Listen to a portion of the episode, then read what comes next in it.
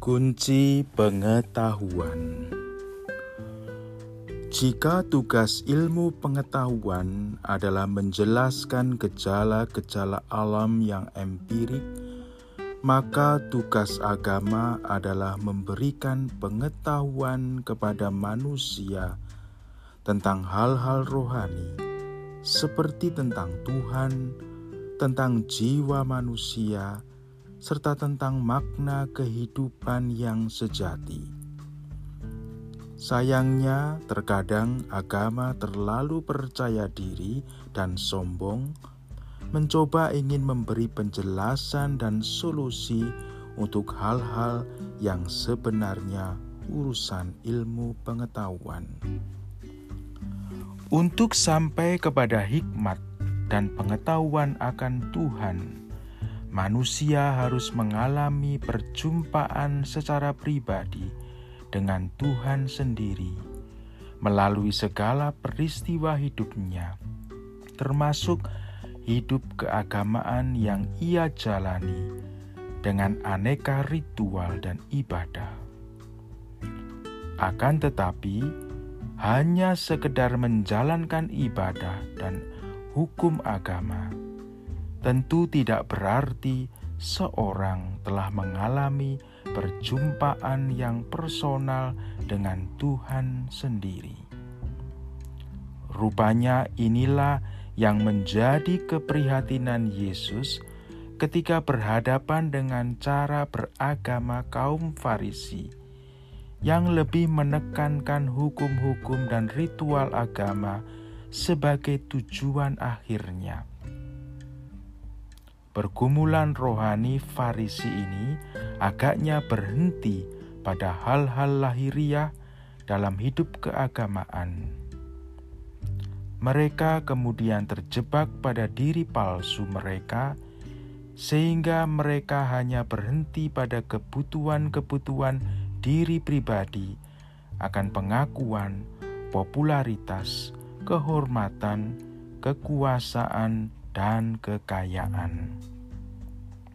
Untuk mencapai pemenuhan akan kebutuhan-kebutuhan ikatan diri palsu itu, mereka memanipulasi aturan-aturan agama.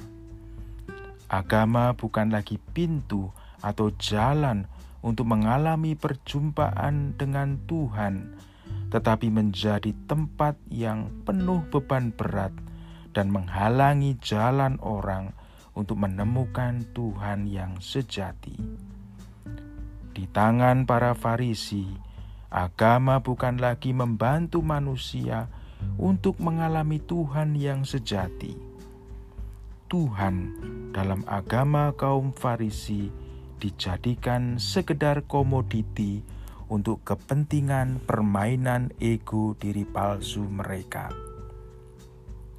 Bahkan ketika Tuhan mencoba menghadirkan para nabi yang memperingatkan mereka akan bahaya ini, mereka memilih menolak.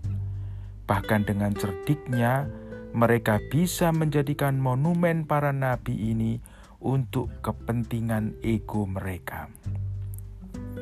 Penghormatan kepada para nabi yang dilakukan dengan pendirian makam hanyalah kamuflase untuk menutupi apa yang palsu dalam diri mereka. Dalam konteks inilah Yesus dengan keras mengecam perilaku para Farisi. Yesus tidak membenci pribadi para Farisi, tetapi tindakan dan cara pandang mereka bisa menjadi batu sandungan umat yang ingin sungguh-sungguh mengalami Tuhan.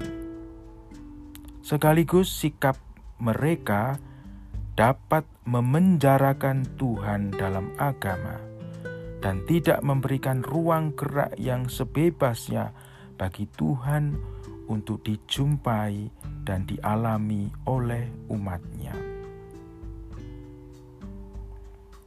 Celakalah kamu, hai ahli-ahli Taurat, sebab kamu telah mengambil kunci pengetahuan.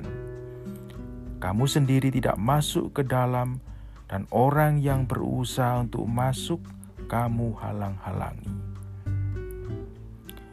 500 tahun yang lalu seorang perempuan cerdas dan suci dari Avila, Spanyol, mencoba mengingatkan gereja pada waktu itu bahwa hidup rohani adalah sebuah perjalanan masuk ke dalam diri sendiri dan menemukan Tuhan yang sejati. Perempuan yang kemudian dikenal dengan nama Santa Teresa Avila itu mengerti betul apa yang dikehendaki Yesus yang ia sendiri sering sebut sebagai Sang Kekasih. Ia mengingatkan kita bahwa jiwa manusia begitu indah seperti puri batin kristal, sehingga Tuhan sendiri memilih untuk tinggal dalam diri kita masing-masing.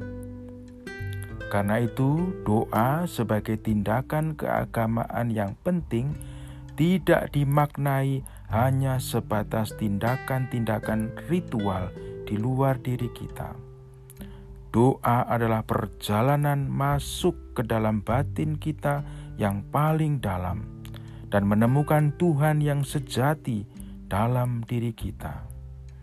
Untuk sampai ke sana, orang tidak perlu harus digelisahkan dengan aneka urusan para Farisi dalam agama. Perjumpaan pribadi diri sejati dengan Tuhan yang sejati Itulah kehidupan rohani, kehidupan agama yang dikendaki oleh Yesus sendiri. Karena itu, Rasul Paulus mengingatkan jemaat di Efesus, sebab di dalam Dia Allah telah memilih kita sebelum dunia dijadikan, supaya kita kudus dan tak bercacat di hadapannya.